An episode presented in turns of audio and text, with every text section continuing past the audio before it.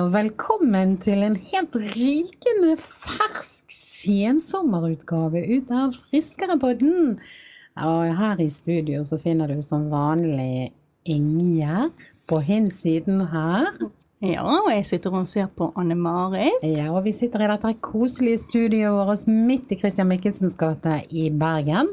Ja. så vi- Lite studio, intimt. Ja, det er ikke så veldig langt fra lokalet til Vi over 60, så det er liksom bare å gå rett ut en trapp og ned og ut. Altså, det er så tilgjengelig og greit. Heldigvis. Så nå har jo det vært eh, sommerferie, Ingjerd, og vi har jo kommet ut eh, med en pod annenhver uke. Det har vi. I motsetning til hver uke. Så forhåpentligvis er det noen av dere lyttere som har savnet oss litt den motsatte uken. Um, men det er jo nettopp på grunn av eh, Det er vanskelig når vi er på ferie og mye på farten og sånt å spille inn hver uke. Men uh, jeg tror det har gått greit. Det ser ut som det er en del som har hørt på oss gjennom sommeren. Ja, det er det. Um, og så er det en god del som finner oss, uh, og så begynner de å lytte på episode én. Ja, Det er jo også litt spennende. Ja, sånn. så det at uh, hvis du tipser noen om at denne podkasten finnes, så kan jo du si det at de kan jo gå inn og høre på den ferskeste, kanskje, og så kan jo de eh, spole seg tilbake og begynne fra igjen. For det er jo en slags sånn utvikling sånn, fra vi begynte å snakke og frem til nå. Så, men vi syns jo det er veldig kjekt å få flere lyttere. Så bare tips rundt omkring alle veier om at denne podkasten, Friskerepodden, den eneste podkasten for Godt voksne. ja, i Norge. Og vi, eh, vi har jo mye fokus på dette med helse, sånne ting her, Og det er jo Vi skal fremdeles ha det, vi. Ja, for helse er noe, det vet vi jo av leseundersøkelsene våre i Vi over 60, at helse er viktig for målgruppen vår. Ja, og, vi, og det er veldig viktig for oss også. Ja, for all del. Ja, jeg er jo i målgruppen. Ja, du er i målgruppen. Det er ikke så mange år siden før, eller til jeg kommer der òg. Tiden flyr. Jeg ble 53 i sommer. Eh, Men eh, fordi at når vi startet podkasten i februar Vi var jo på luften med den først i mars, men vi begynte jo på en måte litt dette prosjektet i februar. Og da, da hadde jo vi eh, ut, som utgangspunkt, og det vet jo alle dere som har hørt på oss hele tiden, at vi begynte å snakke om denne her livsstilsendringen som jeg skulle ta. Fordi at jeg begynte å kjenne at jeg knaket litt på det her og der. Og så, så det har jo vi snakket om i en del podkaster. Eh, og så er jo det sånn at det, det ga jo resultater at jeg faktisk gjorde en livsstilsendring. Og på et tidspunkt så var det sånn at legen sa at ok, nå er alle dine eh, verdier normale, blodverdier. Og derfor så tenker jeg at vi skal skifte litt fokus etter hvert. Sånn at det vi kommer til å snakke litt om utover høsten, det er jo litt andre ting enn det vi har snakket om i vår. Ikke sant? Ja, vi snakker om eh, ulike temaer. Noe tar vi opp i magasinet. Og andre ting eh, er noe som vi bare snakker om i podkasten. Ja, og vet du hva? Du vet jo det, Inger. Jeg vet at du hater dette litt, grann, men vi har jo fått beskjed om at vi må være personlige. Ja, jeg er litt um, Jeg er både ekstrovert og innadvendt. Hvordan å være det? Ja, men det er jeg òg. Der har vi to. Nei, altså, jeg har jo uh, bjuda på meg sjøl nå et halvt års tid i forhold til denne livsstilsendringen. Men jeg tenker det, vi kan ikke trøtte leserne i bladet og lytterne våre i poden ut med for mye om dette. Det, det som har vært det spennende prosjektet, det var jo å dokumentere at du kan faktisk gjøre en endring sjøl og få gode resultater. Men ellers så må vi bjude litt på oss sjøl på litt andre måter, Inge. Hva, hva tenker du? Hvordan har du tenkt å gjøre det? Nei, men Det handler jo litt om å trekke paralleller til sitt eget liv, uh, uten å for, bli for privat, tenker jeg. Det, det, det kan jeg være med, med på.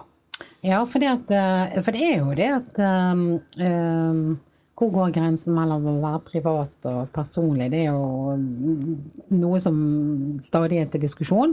Det diskuterer jo vi òg, når vi kommenterer ting i blad og sånne ting. Men eh, det å bjude litt på seg sjøl, det har jo vi tenkt å fortsette å gjøre. Så du som lytter på oss, du får bare følge med. Og så tar vi utgangspunkt i noen ting som har et utgangspunkt i oss sjøl. Og så eh, kommenterer vi andre ting som kan være relevant for deg, men med våre personlige meninger. Det er vel egentlig det vi har tenkt å gjøre litt utover høsten. Ja, det er planen vår. Ja. Men nå lurer jeg litt, eh, Anne-Marit. Du fikk jo denne gledelige beskjeden før sommerferien om at eh, du egentlig var frisk fra diabetesen. Og hvordan har da det gått i løpet av sommeren med alle de utfordringene som eh, melder seg? Med, har du fått lyst på softis, f.eks.? Eh, nei, men jeg har spist is. Eh, ikke softis. Eh, nei, altså det er jo eh, Det var jo i mai det at jeg eh, fikk eh, denne analysen, siste analysen som jeg har tatt av blodprøvene av Sofie Hekseberg, og da konstaterte hun det blodsukkeret, sant? langtidsblodsukker og alt dette var normalisert seg.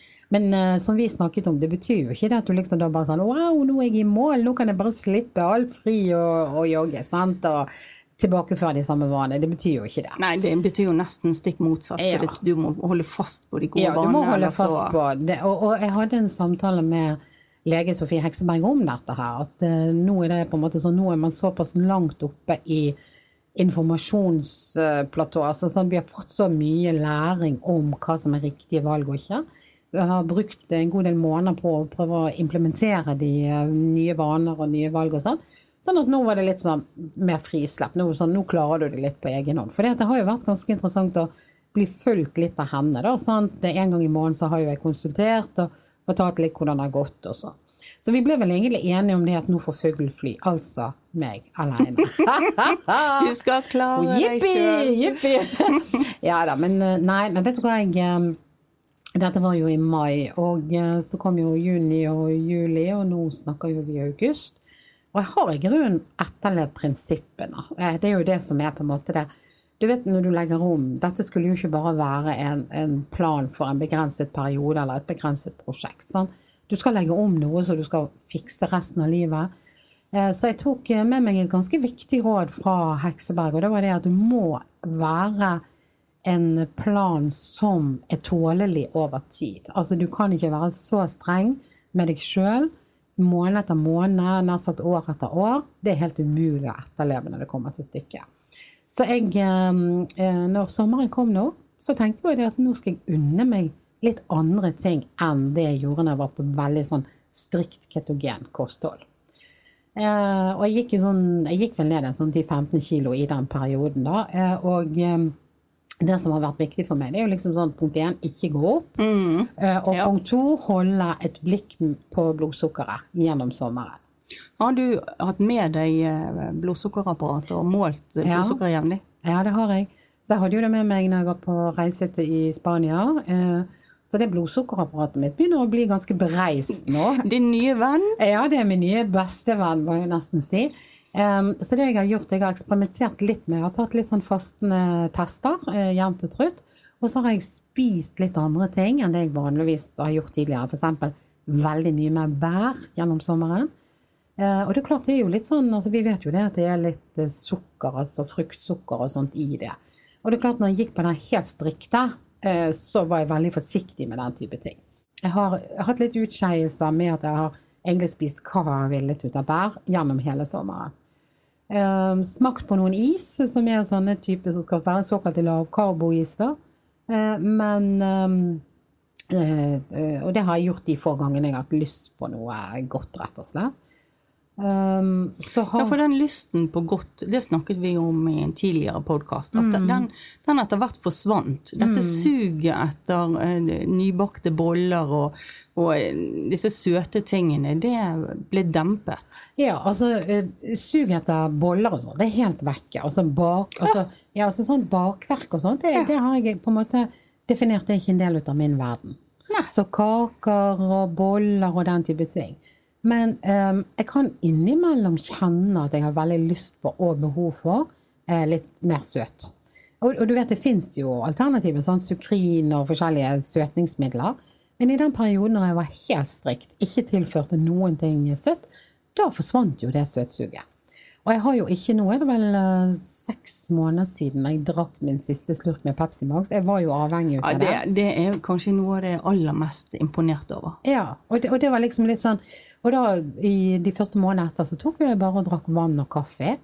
Um, jeg fant ut jeg skulle være litt sånn rebell i sommer. Uh, og skulle unne meg, fordi at når jeg da var på sånn lavkarbokurs med Sofie Hekseberg og de i slutten av mai, så var de litt sånn sjokkert over at jeg ikke tok meg et glass vin og den type ting. For jeg har ikke rørt alkohol i det halvåret. Det er ikke sånn at, det ikke sånn at jeg drikker mye alkohol til vanlig, men når du bare drikker vann og kaffe, som på en måte ikke har så mye smak, og du har fjernet sånne elementer, altså gassmak, sant? Eh, Pepsi Max eksempel, som blir sånn tørstedrikk og sånn, Så fant jeg ut når jeg var på ferie, vet du hva, når jeg har lyst på et glass eh, rosévin, eller et glass med, med hvitvin, som er liksom det, jeg foretrekker, så skal jeg ta med det.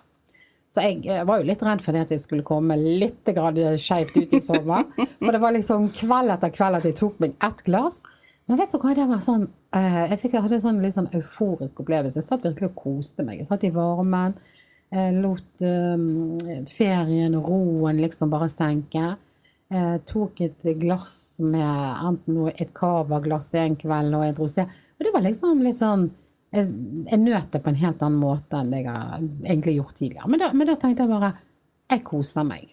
Fordi at du, du kan faktisk ikke leve så strikt som det som jeg gjorde de tre-fire første månedene. Nei, og det var vel heller ikke meningen. Nei, det var ikke meningen. Det var egentlig meningen å på en måte først få litt vekk de verste, farligste kiloene eh, som lå på en måte rundt eh, tarmsystemet og, og sånn. I hvert fall få litt fart på det. Og så etablere litt nye vaner. Sant? Og så tømme kroppen for sukker egentlig, og karbohydrater, sånn at du kunne re, restarte forbrenningen. Det var jo det som var um, i hele intensjonen. Ja, Rett, rett og slett en form for sånn detox-kur. Få, få elendigheten ut av kroppen, Ja, og så ble, begynne på det. nytt. Så nå driver jeg og gjeninnfører. Nei, men, men det som eh, den eh, perioden har lært meg, altså det er altså hele handlemønsteret mitt er jo totalt endret. Jeg handler egentlig akkurat det samme nå som jeg gjorde når jeg gikk på den strikte.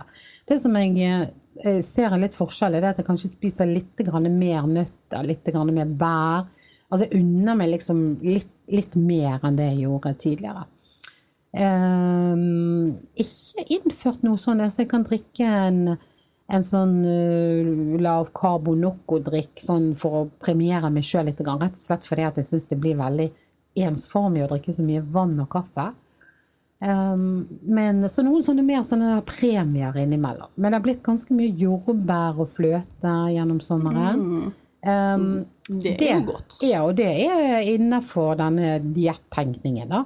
Så det er en del sånne fettkilder, kan du si, som jeg tidligere ikke ville kost meg så mye med, som jeg egentlig har kost meg med i sommer. Som jeg liksom bare tenker, jeg håper nå fremdeles at det fungerer, sånn at ikke man liksom legger på seg i hinnen. Jeg har ikke vært på vekten etter, eh, men jeg har tatt fullt blodsukkeret da gjennom eh, sommeren. Eh, Og, og bare kjent litt sånn på buksemål og sånne ting, at ikke ting blir for at det begynner å stramme igjen. For det er lett for at du glir tilbake igjen til at Jeg vet ikke om det er sånn at kroppen liksom venner seg til et eller annet kosthold, og så begynner han å lagre igjen. Altså man, det er jo merkelige Vi har jo snakket mye om det. Merkelige mekanismene i kroppen. Plutselig så er det sånn. For det, det eneste du vet, er jo det at kroppen egentlig vil jobbe seg tilbake igjen til en vekt den har vært før. sant? Det er liksom det nat naturlige å gjøre. Sånn at du sånn må egentlig ha et bevisst, ja, du må ha et bevisst forhold til det. Da. Så det, det er Jeg tror at mm, du kanskje må være forberedt på at vekten eh, går opp noen kilo. Eh, Så er det en del tenker jeg, som går på sånn rene slankekurer, der det er ikke snakk om å bli friskere, men de skal bare bli tynnere.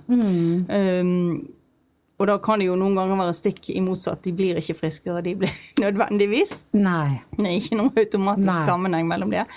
Eh, mm, og du da blir litt sånn nedstemt når eh, vekten begynner å gå opp igjen, og så gir det på en måte bare opp, og liksom det hjelper ikke likevel. Ja, det er jo faren. Det er faren. Altså det er faren. Så, jeg- så jeg tenker jo det at um, det viktigste for meg er egentlig nå å følge med at helsen er Altså at jeg følger med på blodsukkeret. Det er jo den Altså når du har diabetes, så er det den viktigste indikatoren.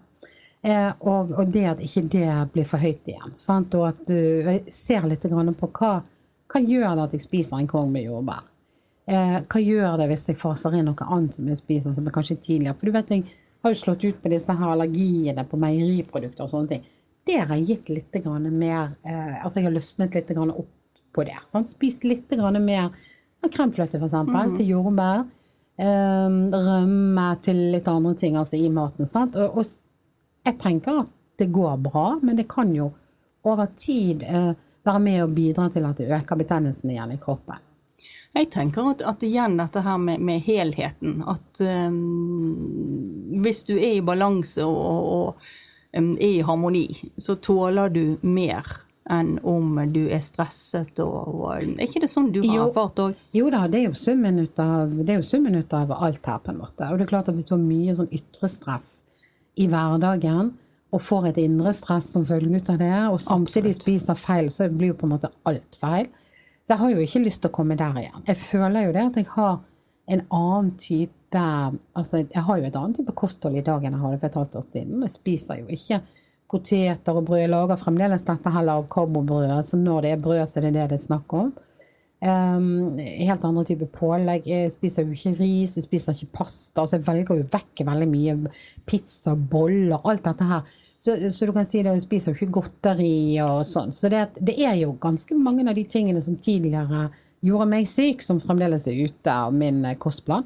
Men jeg spiser mer ut av sånn type nøtter og jordbær og bringebær. Og sånn. Nå når det har vært sommer, så er det tilgjengelig. Sant? det er deilig. Men jeg syns egentlig det, det, har gått ganske greit, vil jeg si. Ja, det høres jo sånn ut. Ja. Så det at jeg, jeg eh, kommer til å ha et blikk på blodsukkeret. Eh, se hva som skjer, hva type mat jeg putter i meg. Eh, nå har jeg overført meg sjøl til fastlegen. Sånn at i fortsettelsen nå jeg har liksom dette som et lite sånn spesielt fokusprosjekt frem til jul. Men gjør ikke så mye ut av det sant? I, i dette fôret og litt andre steder. Det blir litt mer sånn i det stille som et lite sånn personlig prosjekt. For det er jo mye snakk om vedlikehold nå. sant? Mm. Ja. ja. da, men jeg ser jo det at det er jo en del som faktisk etterlyser disse blogginnleggene som ja. jeg skrev tidligere. Så jeg tror nok det er en god del som har syntes det har vært interessant å følge den reisen. Altså bare ta den beslutningen om å gjøre det, og så er det neste sånn hvordan gjøre det. Og der har jo jeg vært ganske så åpen gjennom veldig mange, lang tid. Jeg vet ikke om det ble 12-13 blogger til slutt, men det er jo faktisk en tremånedersperiode hver eneste uke. Eh, og det er jo noe som ligger ute der på sidene våre, sånn at en kan gå tilbake igjen til hvis det er noen som vil tipse noen andre om hva var det for utfordringer underveis. Ja, for der var du jo ganske åpen og rått eh, ærlig, og dette at det var ikke like enkelt eh, bestandig. Nei, og, og det der skiftet, og, og, og, jeg kunne jo godt og det kan jo være det at jeg gjør utover høsten, og det får vi se, men også, jeg kan jo se for meg at man kan eh, eh nær sagt ha en søndagsblogg som går på hvor vanskelig det er med vedlikehold over ti dager. Så det kan godt være. Altså, Én ting er på en måte de endringene du gjør. Da skjer jo det mye endringer i en fase når du legger om. Og så behersker du de, eller du får de på plass, på en måte. Men uh, som jeg tror vi snakket om i en, uh, en podkast rett før sommeren, så var jo det dette her med Jeg kan ikke garantere at man, man liksom har klart å få til en livsstilsendring som faktisk handler om absolutt hele livet. Så det er det for på en måte uh, Hva skal du si Det er ja, det, det er for absolutt å si ja. det, for det er ganske komplekst. Plutselig så kan jeg komme i en livskrise på en eller annen måte som gjør at jeg bare ikke orker å ha et type fokus. For det er jo klart at mindsettet, selv om veldig mye kommer lettere nå, så må jo du likevel ha koblet på mindsettet. Du må det. Ja. I det øyeblikket du går tilbake på autopilot. Eh, og tenk alle årene jeg har holdt på med helt andre ting enn det jeg har gjort det siste halvåret. Så det, jeg har jo det absolutt i meg å velge en annen type mat som jeg egentlig kroppen min ikke mm. tåler lenger. Og, og i og med at jeg har brukt det òg så effektivt. Så, for det har jo vært veldig effektivt å bruke som en stressmester. Mm. Eh, og jeg, jeg, tror jeg må sitere det som eh, en god kollega utover som også har fulgt dette opplegget sammen med meg. Hun sier det at hun faktisk er blitt mye mer sånn nedstemt i denne perioden hun har endret kostholdet. Fordi at det, eh, det er på en måte sånn å bli fratatt et gode som faktisk gjorde deg oppstemt når du mm. hadde det litt vanskelig, eller når du var veldig mm. sliten, eller noe sånt. Mm. Hva er det vi nå skal putte i oss, eller hva er det vi nå skal gjøre? Som fungerer som den stressdemperen som maten faktisk fungerte som. Ja, og denne lille euforien over den første slurken med Pepsi Max eller ja, og de der hvetebollene og alt altså, dette. Ja. ja, sant? For det hadde jo en funksjon. Sant? Det var jo ikke det at du var sulten, det var ikke det at du var tørst, det hadde en funksjon.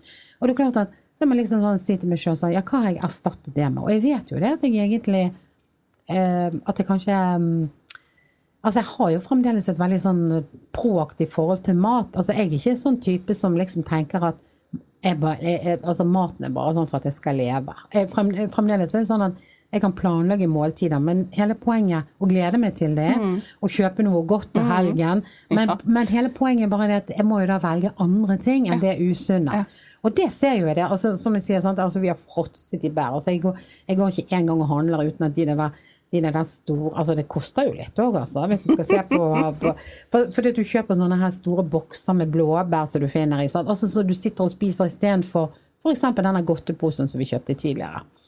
Så, så jeg har jo fremdeles trangen til å putte i meg noe. Jeg har trangen til å kose meg. Jeg har eh, lysten til å dekke et godt bord. Eh, det var en som spurte meg i dag på kontoret, hadde sett at jeg hadde postet noen bilder av noen vafler. fordi at jeg steker sinnssykt mye vafler, fordi vi er en stor familie. Eh, og, det, og vi har en hytte, så folk syns det er koselig å komme og besøke. Så jeg tok til og med med meg et vaffeljern fra Lanzarote, der jeg har en liten skrivestue. For der fikk jeg dobbelt vaffeljern til jul for noen år siden. Og så tenkte jeg at det kunne jeg ha der nede, for jeg fikk det der nede en julaften. Men vi har jo nesten ikke brukt det, så jeg tok det med meg gjennom halve Europa nå, hjem, for å sitte det på hytten. Fordi at eh, når, du er, når du hører at noen skal komme, så er det alltid så greit og enkelt å kunne lage vafler. Jeg gjør alltid det. Eh, og i går tror jeg jeg sto og stekte 20-25 vafler. For da var det litt barnebarn, altså mine bonusbarnebarn og noen voksne som skulle komme, og min svigermor. Altså plutselig så er det mange mennesker, og alle setter pris på en vaffel.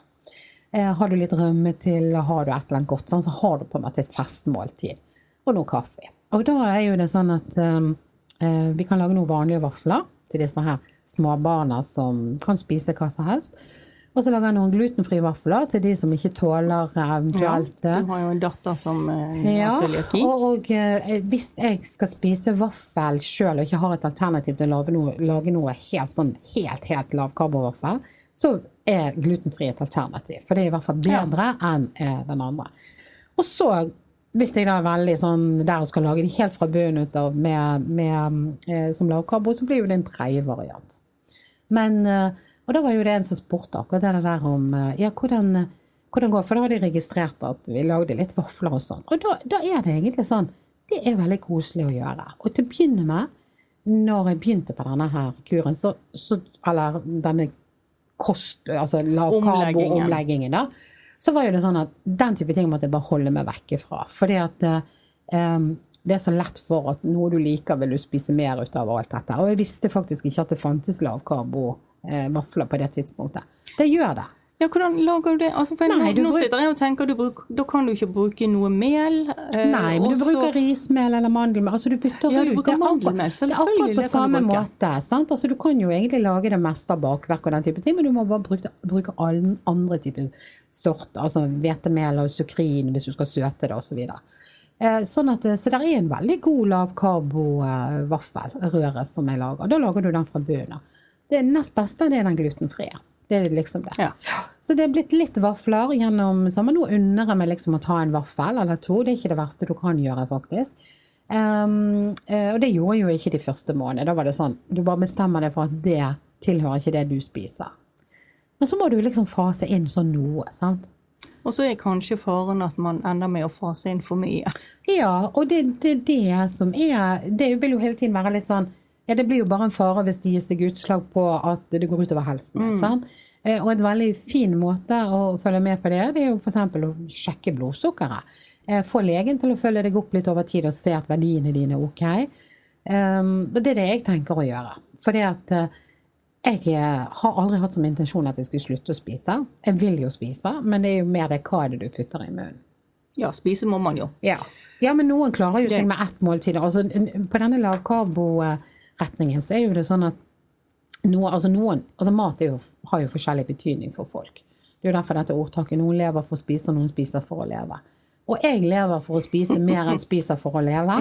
Eh, og det, ja, men sånn er, sånn er, det hvis du er glad i mat, og hvis du liker å kose deg og alt dette som gjør. Men, men, det er jo bare det at må bare spise de riktige tingene. Sant? Så kan du egentlig spise store mengder ut av mye grønt og frukt og alt dette her. Eh, sånn at det viktigste blir på en måte at ikke jeg kommer der igjen, at jeg kjøper en pose Sørlandschips eller en stor pose eh, godt om lørdagen som bare kverker innpå, så alle disse bollene og alt dette som vi har snakket om før. Men det har jeg faktisk ikke gjort. Ja, men det er bra. Ja. Det er bra. Nei, du snakker om det der å, å, å, leve for å spise. Altså, jeg er også der. Jeg er jo ekstremt glad i mat, og glad i å lage mat. Um, så det var noen som kommenterte, jeg hadde noen på uh, middagsbesøk, at um, i vår familie så kan vi sitte og snakke om maten som vi skal lage neste gang mens vi sitter og spiser et måltid. Ja, akkurat. Ja, men det er jo veldig fascinerende. Og det skriver jo vi faktisk om i en av de siste utgavene vi over 60. Men da kaller vi de matsnobber. Det var jo ganske fascinerende. Altså at folk virkelig kan planlegge hva de skal ha til jul, og da snakker du allerede om sommeren. Altså, jeg er ikke der, men, men det å på en måte glede seg til en helg, eller glede seg til eh, en kveld i uken når du skal ut og ha et godt måltid, det er jo kjempebra. Og så er jo det en annen ting som jeg har gjort litt mer i sommer som jeg ikke gjorde tidligere, og sånn blir jo det for de fleste om sommeren. Når du er på farten, så går du litt mer ut og spiser. Ja, det er jo en, en ba ja, bakdel ved det, altså, ulempe ved det. Ja, det er en utfordring. Sant? Du vet ikke helt hva du får i de forskjellige tingene. Mm.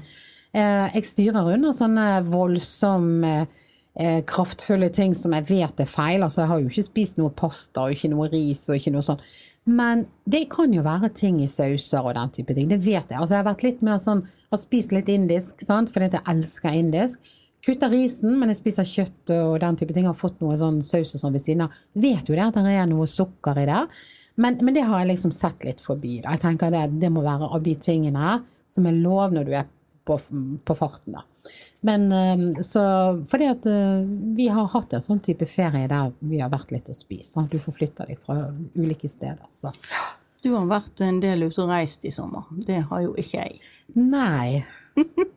og, det, og, det, og, du kan si det at når du er hjemme, så har du mye mer kontroll på sant? hele prosessen. Så at du går og handler, og du lager maten din, og du kan planlegge og alt sånt.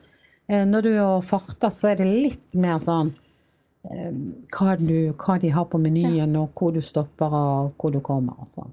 Men jeg er i grunnen ganske fornøyd med meg sjøl, da. Hvis du kan si det sånn. Altså på den måten at det har gått noen måneder nå der det å um, finne en sånn balanse med at dette kan du faktisk leve med. Uh, jeg ser at jeg automatisk går i butikken og tar oppi de rette tingene. Det er jo utrolig viktig. Ja, bare der ligger jo det veldig mye. Altså det er gått inn noe læring ja. hos meg som ligger litt på automatikken. Og så, når du har ferie, så må du få lov til å unne deg litt ekstra. Men det er ikke hverdagen. Sant? Du henter deg på en måte litt sånn inn eh, når hverdagen kommer.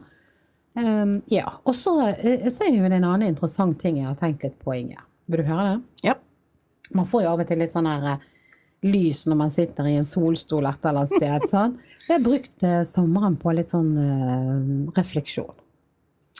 Uh, litt sånn realitetsorientering. ja. Eh, som jeg for øvrig òg har skrevet en Du har skrevet en leder om det? Ja, jeg har skrevet en leder om det. Men jeg har vært i litt sånn modus på å sånn reflektere og realitetsorientere en del ting og sånn.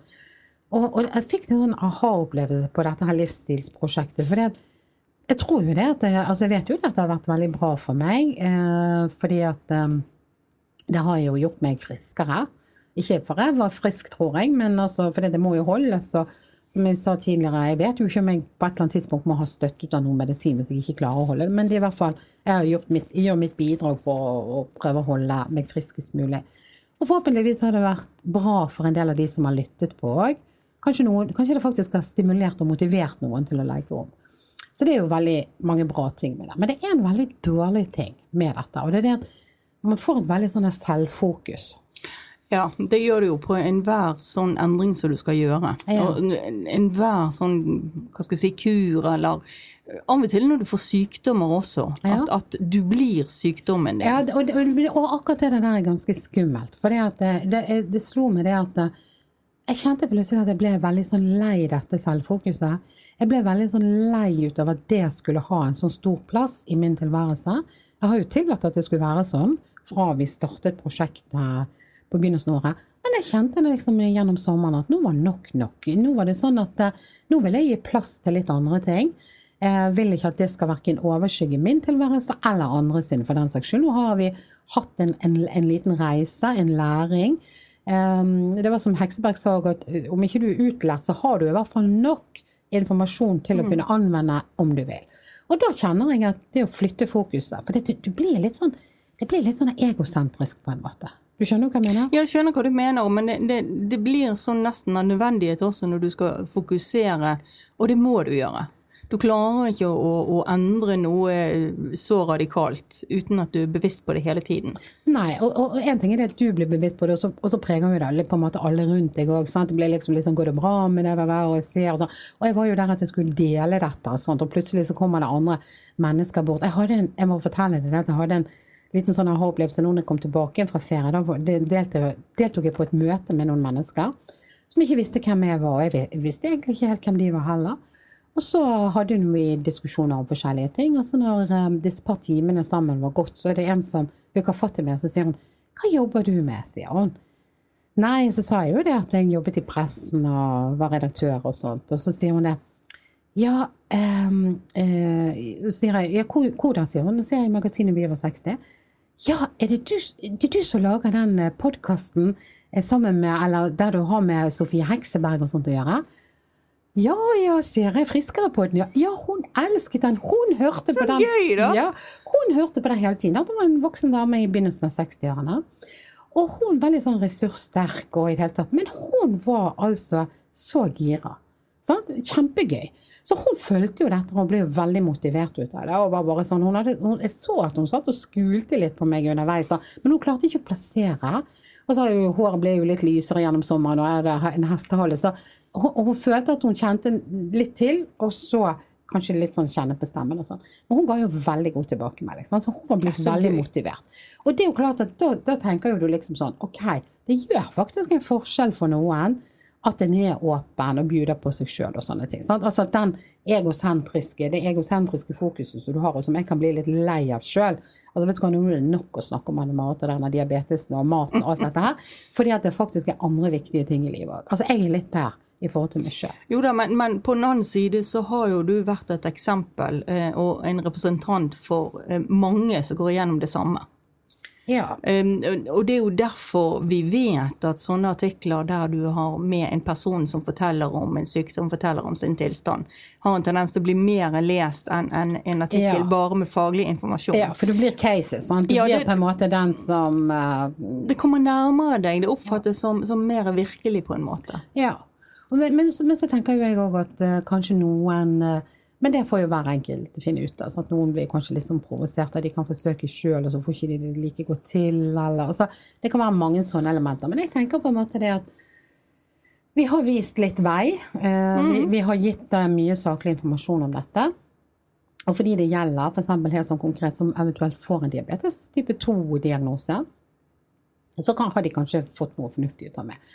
Og de som ikke har det, for det er jo mange som lytter som ikke på en måte har den diagnosen, men som bare har lyst til å bli litt friskere, altså av, av helt andre grunner enn meg, eh, har lyst til å legge om livstid, så har de jo kanskje blitt litt motivert. Og så tenker jeg greit, eh, nå eh, prater vi om det sånn innimellom, men vi skal òg prate om veldig mye mer annet. Fordi at eh, nå har vi liksom kommet litt der at eh, her, dette her veldig sånn selvsentrerte fokuset for min del kjenner jeg det blir litt mye. Så nå lukker jeg på en måte litt mer sånn døren og sier det. Det var greit å invitere dere inn, men nå lukker jeg døren litt. Og så kan vi heller sånn jevnt og trutt frem mot jul innimellom fortelle litt om hvordan det går.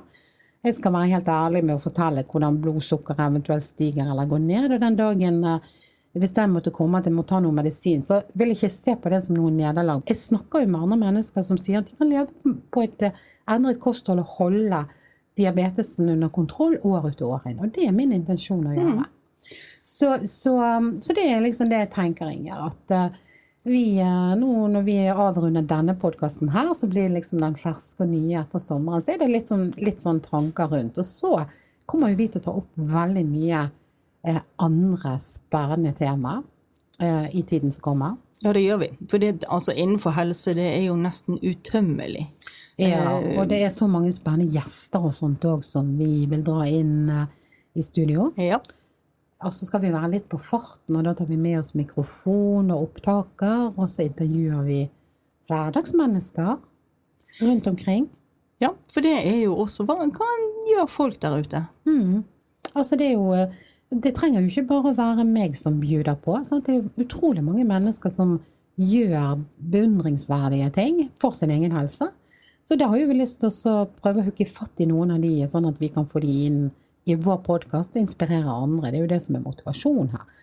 Og at dere som lytter skal lære noe. Så det bør ha vært eh, altså en god podkast for oss. Det er vel egentlig det når du er blitt litt grann klokere. Ja, for det er jo det som ligger i bunnen som slagordet vårt, også for magasinet. At du skal det. bli litt klokere. Det er det. Så inntil vi ses, eller lyttes, eller høres igjen, ha det kjempefint. Ha det! Ha det.